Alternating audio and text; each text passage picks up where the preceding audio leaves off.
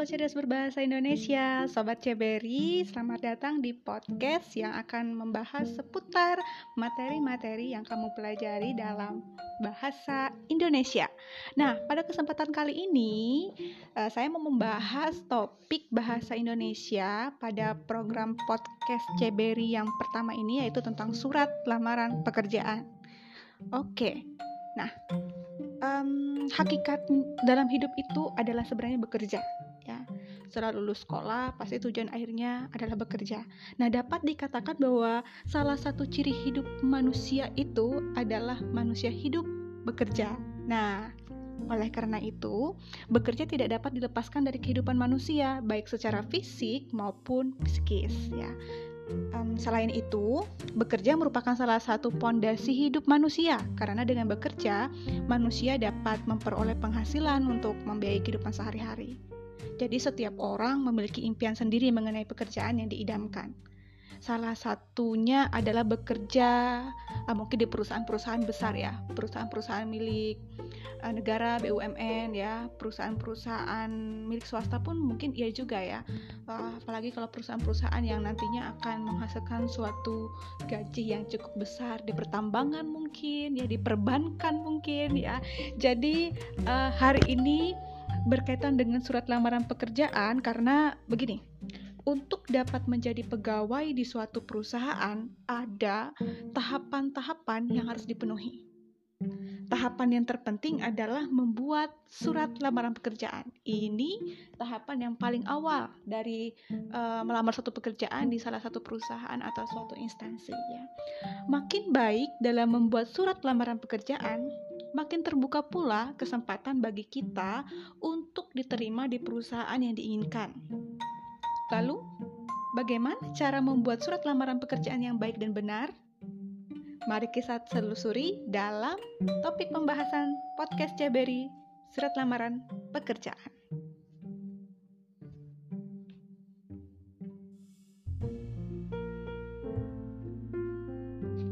Nah, secara singkat pada kesempatan kali ini saya hanya akan menyampaikan beberapa hal-hal penting yang patut kamu ketahui ketika akan menyusun sebuah surat lamaran pekerjaan. Ada beberapa hal penting ya, jadi saya merangkumnya itu menjadi tujuh hal penting yang harus kamu ketahui berkaitan dengan menyusun surat lamaran pekerjaan. Yang pertama, dari segi pengertian terlebih dahulu ya, Surat lamaran pekerjaan adalah permohonan untuk memperoleh suatu pekerjaan atau jabatan. Surat lamaran pekerjaan dapat pula diidentifikasi sebagai surat yang berisi penawaran keahlian, kemampuan atau jasa terhadap satu perusahaan atau instansi tertentu yang akan kamu tawarkan. Ya. Dan yang kedua, surat lamaran pekerjaan ya berfungsi sebagai langkah pembuka bagi seseorang untuk bekerja di suatu tempat. Yang ketiga, isi surat lamaran pekerjaan harus singkat, padat, tidak bertele-tele, langsung pada persoalannya. Ya, setidaknya terdapat tiga hal yang harus diperhatikan ketika akan uh, menulis sebuah lamaran pekerjaan. Apa saja itu? Yang pertama, jabatan yang diinginkan. Jadi, harus jelas ya menampilkan atau mencantumkan jabatan yang diinginkan ketika akan menulis surat lamaran pekerjaan ini. Kamu akan melamar sebagai apa dalam sebuah perusahaan atau instansi tersebut. Kemudian yang kedua, ya yang harus dipikirkan atau dipertimbangkan oleh penulis lamaran pekerjaan identitas pelamar. Identitas pelamar di sini meliputi nama lengkap, usia, status pernikahan, alamat, dan juga tingkat pendidikan. Nah, ini sebagai satu bentuk yang harus disampaikan secara singkat dan tidak bertele-tele ya dalam surat lamaran pekerjaan. Yang ketiga, kualifikasi pelamar. Ya, apa saja kualifikasi pelamarnya? Itu meliputi adalah latar pendidikan, pengalaman kerja, dan keahlian poin yang keempat yang penting kamu ketahui tentang surat lamaran pekerjaan, yaitu struktur surat lamaran pekerjaan. Struktur surat lamaran pekerjaan ini terdiri atas beberapa bagian. Ya. Paling tidak ada sembilan struktur dalam surat lamaran pekerjaan. Apa saja itu? Oke, saya akan sampaikan. Yang pertama, tempat dan tanggal surat. Dalam penulisan surat lamaran pekerjaan yang menggunakan tata bahasa Indonesia yang baik dan juga benar ya, tempat dan tanggal surat di sini merupakan keterangan yang menjelaskan lokasi dan waktu ditulisnya surat itu. Kata-katanya seperti misalkan ya, Palangkaraya 20 November 2020. Nah, jadi itu menyatakan bahwa surat itu ditulis di Palangkaraya pada tanggal 20 November tahun 2020. Tempat dan tanggal umumnya dituliskan pada bagian pojok kanan atas surat lamaran pekerjaan ya. Dia sejajar dengan hal dalam penulisan surat. Nama tempat itu mendahului tanggal surat dan tidak dipisahkan oleh tanda koma. Jadi tanda koma yang melekat pada tulisan nama tempat tulisan tempat dan tanggal surat tidak boleh diakhiri dengan tanda titik. Jadi tidak ada tanda, tanda titik ya. Uh, hal lain juga yang perlu diperhatikan adalah bahwa penulisan nama bulan tidak boleh diganti dengan urutan angka. Misalnya bulan April itu diganti dengan urutan angka 4, tidak bisa ya, jadi tidak boleh. Jadi bulannya tetap ditulis menggunakan huruf A, P, R, I, L ya, dan seterusnya. Lalu struktur yang kedua dalam surat lamaran pekerjaan itu adalah hal surat. Hal surat berarti soal atau perkara yang dibicarakan di dalam surat. Karena isinya merupakan lamaran pekerjaan, sudah pasti bahwa hal surat itu adalah tentang lamaran pekerjaan. Keterangan tersebut bisa lebih diperjelas dengan menyebutkan jenis pekerjaan yang dilamar. Misalnya, lamaran pekerjaan menjadi marketing eksekutif, lamaran pekerjaan menjadi customer service. Nah, Penjelasan seperti itu diperlukan apabila jenis pekerjaan ditawarkan lebih dari satu jenis. Hal harus ditulis sejajar dengan tempat dan tanggal pada surat. Apabila surat itu terlalu panjang, penulisannya bisa ditempatkan dalam dua baris yang berbeda. Ya, misalkan uh, cukup panjang ya untuk keterangan halnya. Oh ya, satu catatan penting dalam struktur surat ini. Nah, kita sering menjumpai beberapa versi dalam penulisan kata hal yakni hal, yang pertama hal, kemudian perihal, atau hal dan juga perihal ya dituliskan secara bersamaan. Penulisan yang tepat dari ketiga pilihan tadi adalah hal, ya. Adapun kalau kata perihal itu merupakan kata yang rancu. Partikel peri itu sendiri uh, bermakna hal. Jadi kalau kata perihal itu bermakna hal tentang hal. Nah, rancu sekali bukan? Hal ini lebih-lebih lagi dengan penggunaan kata hal atau perihal digunakan secara bersamaan. Artinya, kata-kata ini tentunya tidak bisa digunakan atau tidak tepat digunakan. Kata ini akan memiliki arti hal atau tentang hal tentang hal. Jadi, tidak hemat, juga rancu ya. Ketepatan dan kebakuan dalam penggunaan kata dalam penulisan surat lamaran pekerjaan haruslah diperhatikan. Sebab surat lamaran tidak hanya berfungsi sebagai sebuah penawaran atau permohonan. Itu juga merupakan gambaran atas profesionalitas dan intelektualitas dari si pelamarnya. Itu mengapa sangat penting ya. Struktur yang ketiga yaitu lampiran. Lampiran merupakan penjelas atau jumlah dokumen yang nantinya akan disertakan dalam surat lamaran pekerjaan. Dengan demikian ya, kalau dokumen itu berjumlah dua lembar, harus disebutkan dua lembar dalam lampiran itu. Kalau dokumen itu terdiri atas satu berkas, maka dituliskan juga satu berkas ya. Perlu kita nyatakan dengan tulisan satu berkas dan dua lembar tadi.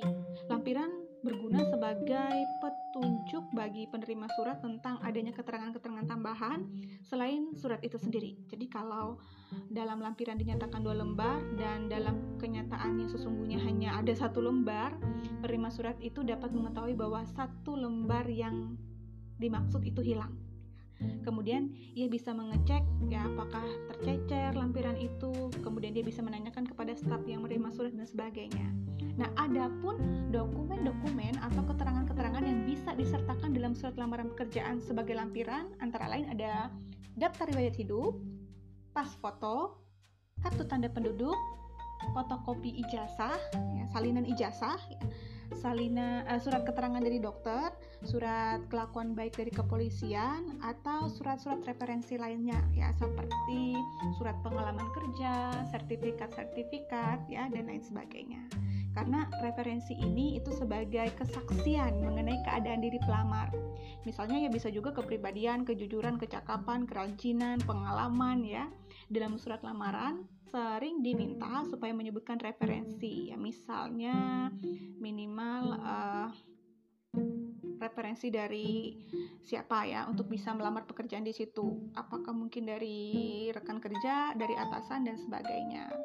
Selanjutnya, struktur yang keempat dalam surat lamaran pekerjaan yaitu alamat surat. Ini cukup penting ya. Ada dua macam alamat surat di dalam surat lamaran pekerjaan. Yang pertama adalah alamat luar dan yang kedua itu adalah alamat dalam. Alamat luar adalah alamat yang ditulis pada sampul surat lamaran pekerjaan. Alamat pada sampul surat berfungsi sebagai penunjuk bagi petugas pos dalam menyampaikan surat itu. Apabila surat tersebut tertulis dengan alamat yang tidak jelas, tentu suratnya tidak akan sampai ya. Oleh sebab itu, alamat luar harus ditulis dengan jelas dengan rinci. Jadi harus berhati-hati. Surat dengan kesalahan penulisan atau alamat ataupun juga nama perusahaan tentu itu sangat fatal bagi kita yang akan melamar pekerjaan. Namun, hal tersebut tetap saja tidak menguntungkan ya bagi si pelamar karena kesannya kesan yang timbul adalah bahwa pelamar itu adalah orang yang ceroboh gitu ya.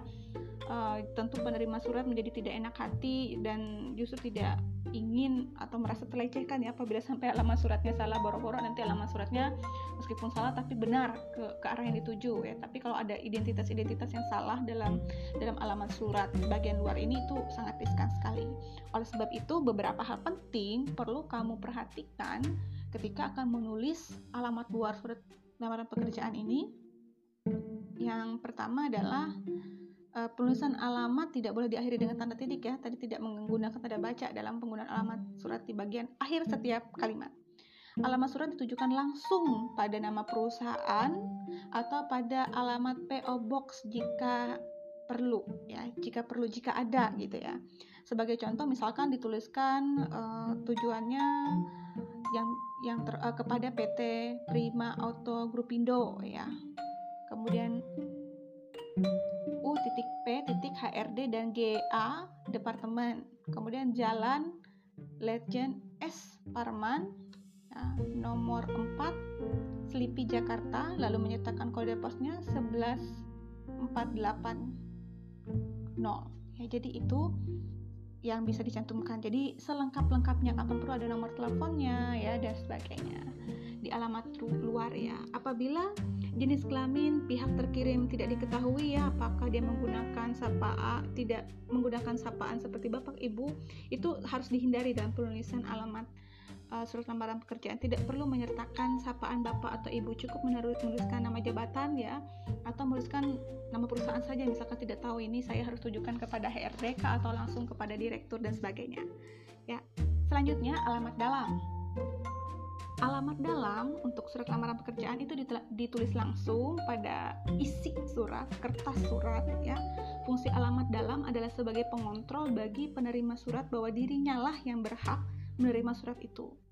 Nah, bagi pengirim surat, alamat dalam berfungsi untuk mengetahui kecocokan alamat yang dituju sewaktu proses pemasukan surat uh, ke dalam amplop surat tadi ya. Penulisan dalam surat dalam di lamaran pekerjaan itu berbeda. Kalau di luar bisa menggunakan kata kepada, sementara kalau di, di alamat dalam itu tidak menggunakan kata kepada. Ya. Selanjutnya, struktur yang kelima adalah salam pembuka. Salam pembuka berfungsi sebagai penghormatan terhadap pihak yang dituju. Salam pembuka yang lazim digunakan dalam surat lamaran pekerjaan adalah kata dengan hormat. Apabila surat itu menggunakan bahasa Inggris, kata sapaan yang lazim itu digunakan dengan dear, dear sir, dear sis, uh, sirs. Ya. Dalam hal ini, salam pembuka diawali dengan huruf kapital dan diakhiri dengan tanda koma. Struktur yang keenam, isi surat. Secara umum, isi surat lamaran pekerjaan terbagi atas tiga bagian, yaitu alinea pembuka, alinea isi, dan alinea penutup. Alinea pembuka itu berfungsi sebagai pengantar isi surat. Alinea pembuka hendaknya bisa membangkitkan minat penerima surat untuk mau membaca lamaran itu lebih lanjut. Jadi, kamu harus menyusun alinea pembuka ini dengan menarik. Gunakan pilihan kata yang tepat, susunan kalimat yang sesuai, dan ejaan yang benar. Selanjutnya, di bagian isi dalam surat lamaran pekerjaan, alinea isi. Alinea isi berisi beberapa hal ya, bisa langsung kepada identitas diri pelamar ya, kemudian e, menyertakan dengan hal-hal yang akan dilampirkan ya hal-hal penunjang ya. Jadi ada dua identitas pelamar dan yang berikutnya adalah berkas berkas-berkas penunjang atau pernyataan pernyataan penunjang. Identitas pelamar itu di tempat bisa juga nanti ditambah lagi ditempatkan dalam uh, daftar riwayat hidup ya. Nah, dalam bagian isi itu hendaknya dikemukakan pula keterangan tentang syarat-syarat yang akan dilampirkan dalam uh, persyaratan untuk melamar pekerjaan di suatu instansi atau pemerintahan. Ketika menyusun isi surat yang baik, hendaknya memperhatikan ada beberapa hal ya. Ada enam hal. Yang pertama, tetap tetapkan urutan secara sistematis dan logis, gunakan informasi. Yang kedua, gunakan informasi atau fakta secara benar, akurat dan lengkap. Yang ketiga, susun ke dalam beberapa alinea dan di setiap alinea hanya diawali dengan satu gagasan utama. Yang keempat, hindari pemakaian kata atau ungkapan yang membangga-banggakan diri ataupun merendahkan diri secara berlebihan. Jadi yang keempat ini harus diperhatikan oleh pelamar. Yang kelima, hindarkan atau hindari pemakaian akronim dan singkatan yang tidak lazim ya. Jadi tidak menggunakan singkatan dalam penulisan surat lamaran pekerjaan. Yang berikutnya, keenam, gunakan bahasa yang lugas, sopan, dan menarik. Isi dalam surat lamaran pekerjaan harus ditulis dengan gaya yang menarik dan dapat memberikan keyakinan kepada penerimanya bahwa pelamar benar-benar mempunyai kecakapan, kemampuan, serta kesungguhan untuk bekerja dengan baik.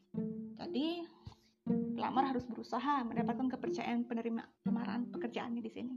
Isi surat lamarannya tentu harus singkat, padat, tidak bertele-tele, dan langsung pada persoalannya. Alinea penutup di bagian struktur isi, nah, isi surat adalah berisikan tiga poin ini yang pertama mudah berisikan tentang harapan ya, harapan yang akan uh, kamu inginkan setelah si penerima surat lamaran pekerjaan itu membaca surat lamaranmu ya. Yang berikutnya adalah uh, ucapan terima kasih, ya, ucapan terima kasihmu ya, dan kemudian bisa kamu gunakan dengan beberapa kalimat misalkan seperti saya menunggu jawaban dari bapak atau ibu atas lamaran ini ya. atau saya berharap jawaban atas lamaran ini sudah saya terima atau bisa juga mudah-mudahan kemampuan dan pengalaman pengalaman yang saya sampaikan dengan harapan bapak atau ibu bisa menerima saya dan untuk melanjutkan ke proses atau tahapan seleksi berikutnya struktur yang ketujuh salam penutup Salam penutup yang lazim dalam surat lamaran pekerjaan adalah hormat saya dan dapat digunakan juga sih dengan salam-salam yang bersifat religius ya, tapi ini jarang sekali digunakan. Struktur yang kedelapan itu adalah tanda tangan dan yang kesembilan nama jelas pengirim. Jangan lupa disertai tanda tanda tangannya ya. Pengirim surat uh, dalam pihak adalah pihak yang menulis atau menyampaikan surat. Dalam hal ini, penulis surat disebut sebagai pelamar. Pengirim surat harus selalu membubuhkan tanda tangan. pembubuhan tanda tangan itu merupakan uh, bukti yang bisa dipertanggungjawabkan penulis surat atas surat yang sudah dibuatnya. Dan jangan lupa dalam penulisan tanda tangan ini pun nanti menyertakan nama. Ya, oke. Okay. Itu adalah hal penting yang keberapa nih? Ingat gak sih yang keberapa? Yang keempat ya untuk surat lamaran pekerjaan dari segi struktur. Hal penting yang kelima. Hal penting yang kelima itu adalah bahasa yang digunakan dalam surat lamaran bersifat baku. Lalu apa saja ciri-ciri bahasa yang baku dalam surat lamaran pekerjaan? Yang pertama, tidak dipengaruhi bahasa daerah. Yang kedua, tidak dipengaruhi bahasa asing. Yang ketiga, bukan merupakan ragam bahasa percakapan. Yang keempat, pemakaian imbuhan eksplisit. Yang kelima, unsur-unsur kalimat lengkap. Yang keenam, pemakaian hubungan kata itu sesuai dengan konteks kalimat. Yang ketujuh, tidak rancu. Ya, kedelapan, tidak mengandung arti pleonasme gitu ya. Hal penting yang keenam yang perlu kamu ketahui tentang surat lamaran pekerjaan. Di samping harus memperhatikan kebakuan kata dan keefektifan kalimat, bahasa dalam surat lamaran pekerjaan harus menggunakan tujuh hal ini. Yang pertama, itu menggunakan kata ganti tunggal. Yang kedua, kata sapaan orang kedua sebagai bentuk penghormatan, ya, bapak atau ibu ya. Yang ketiga, kalimat bertujuan. Yang keempat, mengungkapkan rasa ketertarikan terhadap pekerjaan yang dilamar. Yang kelima, kalimat perincian ketika berkaitan dengan identitas diri. Jadi ada kalimat perincian. Yang keenam, kalimat persuasif, ya pengharapan dan yang ketujuh adalah ucapan terima kasih. Hal penting yang terakhir atau yang ketujuh tentang surat lamaran pekerjaan untuk menghasilkan surat lamaran pekerjaan yang baik karena ini juga berkaitan ya kalau surat lamaran pekerjaan termasuk surat resmi ya terdapat sejumlah langkah yang harus kita lakukan apa saja langkah-langkahnya satu menentukan tujuan penulisan surat. Kedua, mencetak sumber informasi atas lamaran yang diajukan. Yang ketiga, mengumpulkan bahan ataupun dokumen-dokumen yang diperlukan sesuai dengan permintaan dari pasangan iklan atau informasi yang menyertakan tentang suatu pekerjaan atau lamaran pekerjaan. Kelaziman yang sering disertakan pada surat lamaran pekerjaan itu tadi ya seperti ijazah, fotokopi KTP, dan surat keterangan kelakuan baik dan lain sebagainya. Tadi ada saya sebutkan di bagian awal.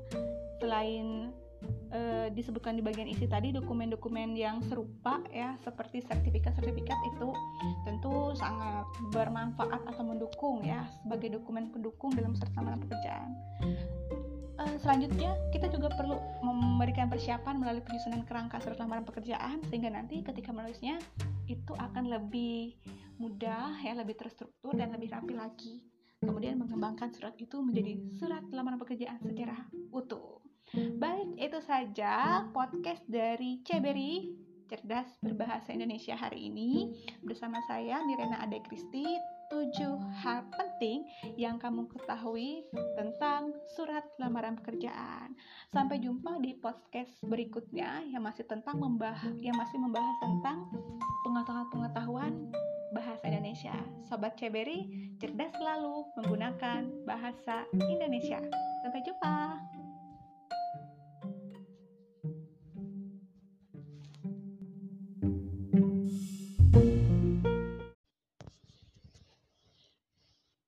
Sobat Ceberi, Sobat Cerdas berbahasa Indonesia. Nah, pada podcast kali ini saya akan membicarakan tentang proposal. Proposal adalah salah satu bagian dari karya ilmiah ya Sobat Ceberi. Dan proposal ini pun juga sering kita temukan dalam pembelajaran di bahasa Indonesia maupun itu di jenjang uh, menengah ataupun di jenjang perguruan tinggi. Hampir setiap orang memiliki sejumlah keinginan yang kemudian dinyatakan dalam suatu program kegiatan. Program atau rencana kegiatan yang disusun secara sistematis dan diusulkan kepada pihak lain, itulah yang disebut dengan proposal. Dengan demikian, pemahaman kita tentang isi dan struktur serta kaidah proposal, bahkan juga langkah-langkah dalam penyusunan proposal itu sangatlah penting. Nah, hal itu tidak hanya terkait dengan kegiatan sehari-hari saja, tetapi juga dalam keperluan sekolah maupun dunia kerja. Nah, Bagaimanakah cara mewujudkan ide kita dalam bentuk proposal? Bagaimana juga cara menyusun proposal agar menarik dan disetujui? Mari kita pelajari bersama dalam materi teks proposal berikut ini. Simak baik-baik ya.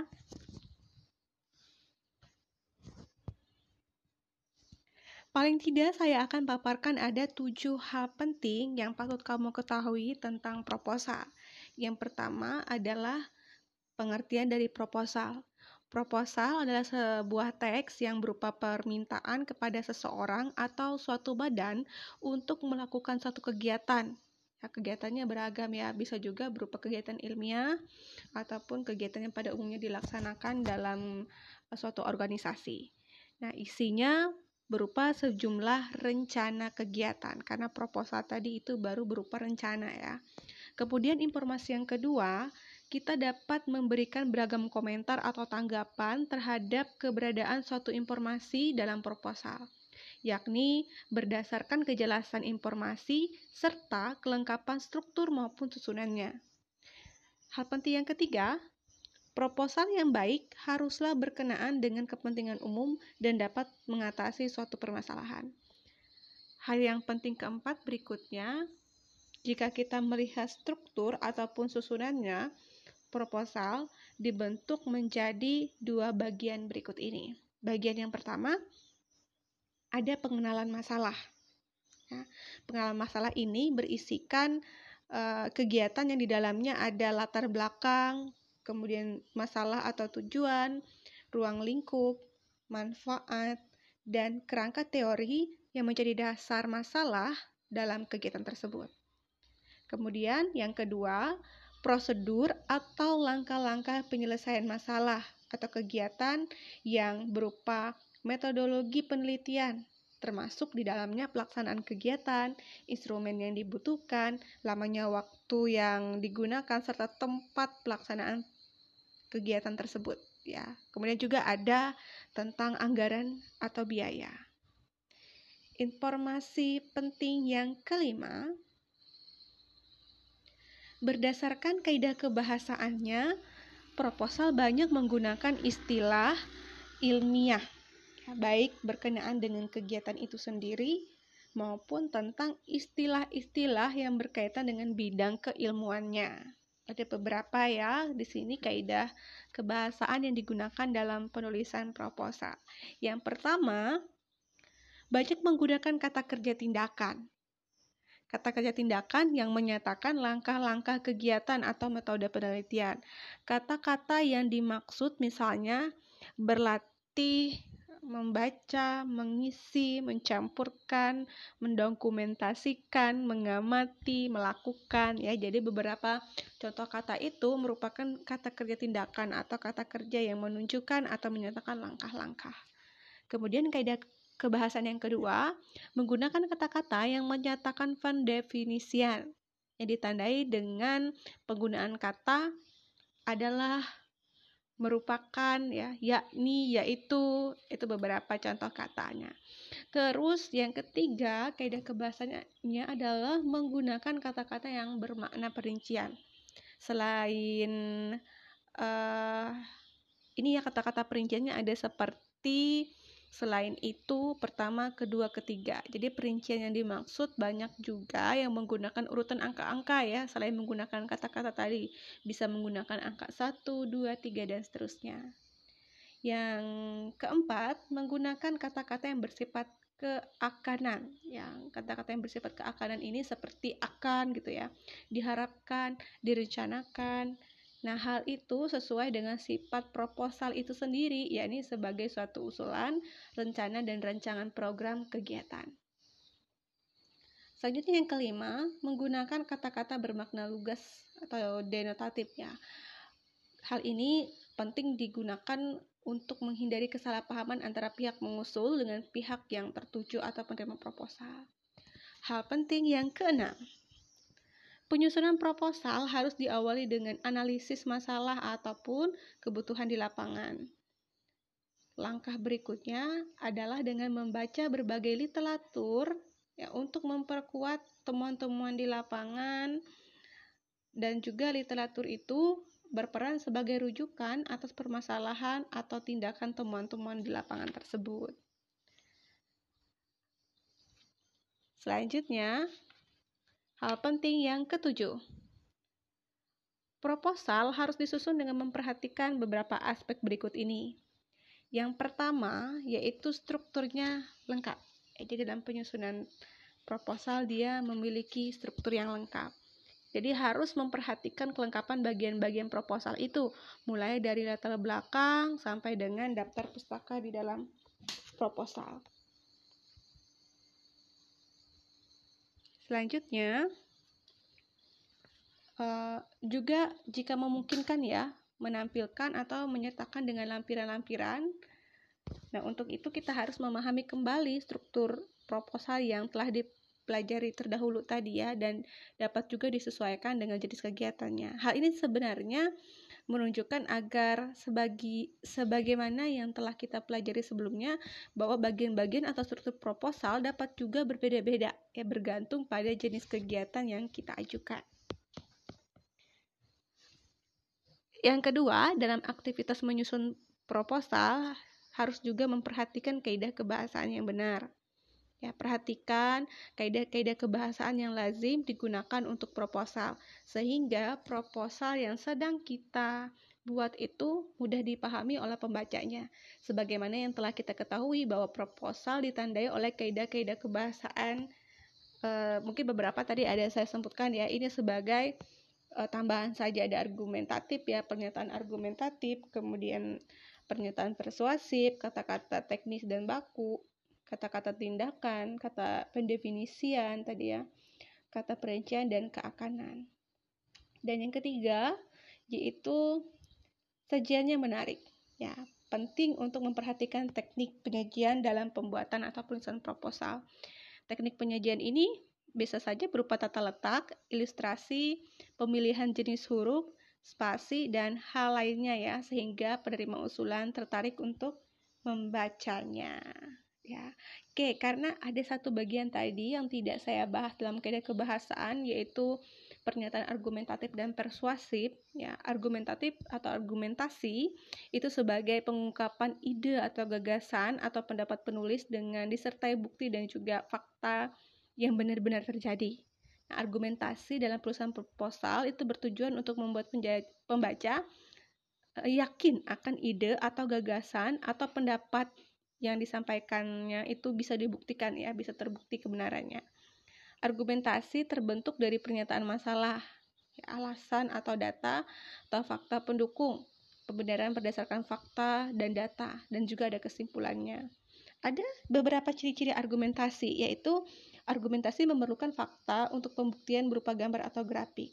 Kemudian argumentasi juga menggali sumber ide dari pengamat, Kemudian ada juga menggali sumber ide dari pengalaman dan juga penelitian. Uh, selanjutnya ada pendapat yang disertai dengan alasan, data, dan fakta yang mendukung. Dan juga terdapat pembenaran berdasarkan data dan fakta yang disampaikan. Dan pada bagian akhir paragraf atau karangan atau sebuah proposal ya perlu juga disajikan sebuah simpulan. Nah, itu argumentasi. Nah, bagaimana dengan persuasi atau persuasif? Nah, persuasi merupakan imbauan atau ajakan kepada orang lain untuk melakukan sesuatu seperti yang diharapkan oleh penulisnya. Persuasi biasanya disertai penjelasan dan fakta sehingga menyajikannya bisa meyakinkan dan dapat mempengaruhi pembaca. Pendekatan yang dipakai dalam persuasi itu adalah pendekatan yang emotif ya, yang berusaha memperbaiki membangkitkan emosi. Ciri-ciri paragraf yang persuasi adalah uh, berupa bujukan atau ajakan dan bersifat untuk mempengaruhi. Baik, Sobat Ceberi, itu dia tadi tujuh hal penting yang perlu kamu ketahui berkaitan tentang penulisan proposal. Sampai jumpa di pembahasan yang berkaitan dengan bahasa Indonesia pada podcast berikutnya. Bye-bye. Halo Sobat Ceberi, Sobat Cerdas berbahasa Indonesia. Nah, pada podcast kali ini saya akan membicarakan tentang proposal. Proposal adalah salah satu bagian dari karya ilmiah ya Sobat Ceberi. Dan proposal ini pun juga sering kita temukan dalam pembelajaran di bahasa Indonesia maupun itu di jenjang uh, menengah ataupun di jenjang perguruan tinggi. Hampir setiap orang memiliki sejumlah keinginan yang kemudian dinyatakan dalam suatu program kegiatan. Program atau rencana kegiatan yang disusun secara sistematis dan diusulkan kepada pihak lain itulah yang disebut dengan proposal. Dengan demikian, pemahaman kita tentang isi dan struktur serta kaidah proposal, bahkan juga langkah-langkah dalam penyusunan proposal itu sangatlah penting. Nah, hal itu tidak hanya terkait dengan kegiatan sehari-hari saja, tetapi juga dalam keperluan sekolah maupun dunia kerja. Nah, bagaimanakah cara mewujudkan ide kita dalam bentuk proposal? Bagaimana juga cara menyusun proposal agar menarik dan disetujui? Mari kita pelajari bersama dalam materi teks proposal berikut ini. Simak baik-baik ya.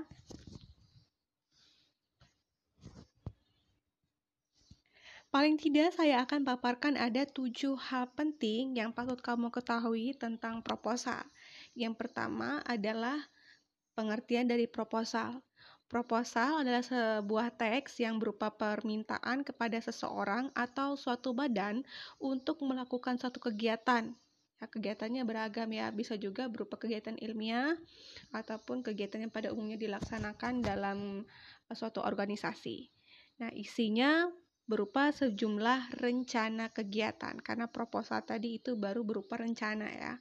Kemudian informasi yang kedua kita dapat memberikan beragam komentar atau tanggapan terhadap keberadaan suatu informasi dalam proposal, yakni berdasarkan kejelasan informasi serta kelengkapan struktur maupun susunannya. Hal penting yang ketiga, proposal yang baik haruslah berkenaan dengan kepentingan umum dan dapat mengatasi suatu permasalahan. Hal yang penting keempat berikutnya, jika kita melihat struktur ataupun susunannya, proposal dibentuk menjadi dua bagian berikut ini. Bagian yang pertama ada pengenalan masalah. Ya, pengenalan masalah ini berisikan uh, kegiatan yang di dalamnya ada latar belakang, kemudian masalah atau tujuan, ruang lingkup, manfaat, dan kerangka teori yang menjadi dasar masalah dalam kegiatan tersebut. Kemudian yang kedua, prosedur atau langkah-langkah penyelesaian masalah atau kegiatan yang berupa metodologi penelitian, termasuk di dalamnya pelaksanaan kegiatan, instrumen yang dibutuhkan, lamanya waktu yang digunakan, serta tempat pelaksanaan kegiatan tersebut. Ya, kemudian juga ada tentang anggaran atau biaya. Informasi penting yang kelima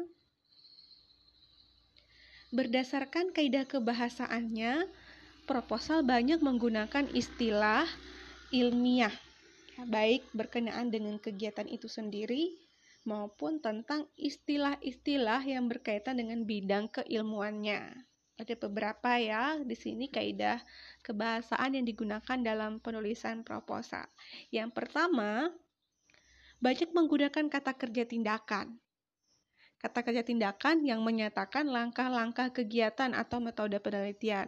Kata-kata yang dimaksud misalnya berlatih, membaca, mengisi, mencampurkan, mendokumentasikan, mengamati, melakukan ya. Jadi beberapa contoh kata itu merupakan kata kerja tindakan atau kata kerja yang menunjukkan atau menyatakan langkah-langkah.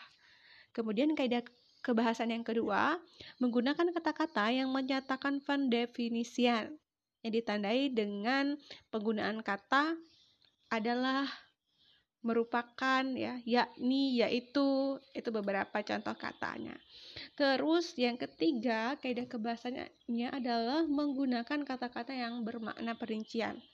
Selain uh, ini ya kata-kata perinciannya ada seperti Selain itu, pertama, kedua, ketiga. Jadi perincian yang dimaksud banyak juga yang menggunakan urutan angka-angka ya, selain menggunakan kata-kata tadi. Bisa menggunakan angka 1, 2, 3, dan seterusnya. Yang keempat, menggunakan kata-kata yang bersifat keakanan. Yang kata-kata yang bersifat keakanan ini seperti akan gitu ya. Diharapkan, direncanakan, Nah, hal itu sesuai dengan sifat proposal itu sendiri, yakni sebagai suatu usulan, rencana, dan rancangan program kegiatan. Selanjutnya yang kelima, menggunakan kata-kata bermakna lugas atau denotatif ya.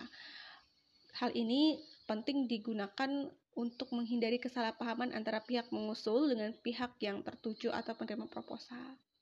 Hal penting yang keenam, Penyusunan proposal harus diawali dengan analisis masalah ataupun kebutuhan di lapangan.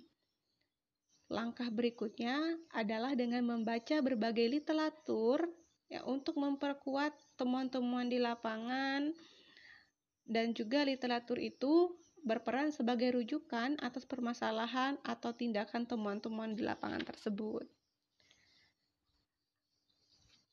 Selanjutnya, hal penting yang ketujuh. Proposal harus disusun dengan memperhatikan beberapa aspek berikut ini. Yang pertama yaitu strukturnya lengkap. Jadi dalam penyusunan proposal dia memiliki struktur yang lengkap. Jadi harus memperhatikan kelengkapan bagian-bagian proposal itu, mulai dari latar belakang sampai dengan daftar pustaka di dalam proposal. Selanjutnya,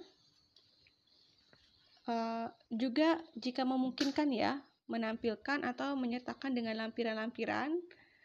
Nah, untuk itu kita harus memahami kembali struktur proposal yang telah di pelajari terdahulu tadi ya dan dapat juga disesuaikan dengan jenis kegiatannya. Hal ini sebenarnya menunjukkan agar sebagi sebagaimana yang telah kita pelajari sebelumnya bahwa bagian-bagian atau struktur proposal dapat juga berbeda-beda ya bergantung pada jenis kegiatan yang kita ajukan. Yang kedua, dalam aktivitas menyusun proposal harus juga memperhatikan kaidah kebahasaan yang benar. Ya, perhatikan kaidah-kaidah kebahasaan yang lazim digunakan untuk proposal, sehingga proposal yang sedang kita buat itu mudah dipahami oleh pembacanya. Sebagaimana yang telah kita ketahui bahwa proposal ditandai oleh kaidah-kaidah kebahasaan, e, mungkin beberapa tadi ada saya sebutkan ya, ini sebagai e, tambahan saja ada argumentatif ya, pernyataan argumentatif, kemudian pernyataan persuasif, kata-kata teknis dan baku, kata-kata tindakan, kata pendefinisian tadi ya, kata perincian dan keakanan. Dan yang ketiga, yaitu sajiannya menarik. Ya, penting untuk memperhatikan teknik penyajian dalam pembuatan atau penulisan proposal. Teknik penyajian ini bisa saja berupa tata letak, ilustrasi, pemilihan jenis huruf, spasi, dan hal lainnya ya, sehingga penerima usulan tertarik untuk membacanya ya. Oke, karena ada satu bagian tadi yang tidak saya bahas dalam kaidah kebahasaan yaitu pernyataan argumentatif dan persuasif ya. Argumentatif atau argumentasi itu sebagai pengungkapan ide atau gagasan atau pendapat penulis dengan disertai bukti dan juga fakta yang benar-benar terjadi.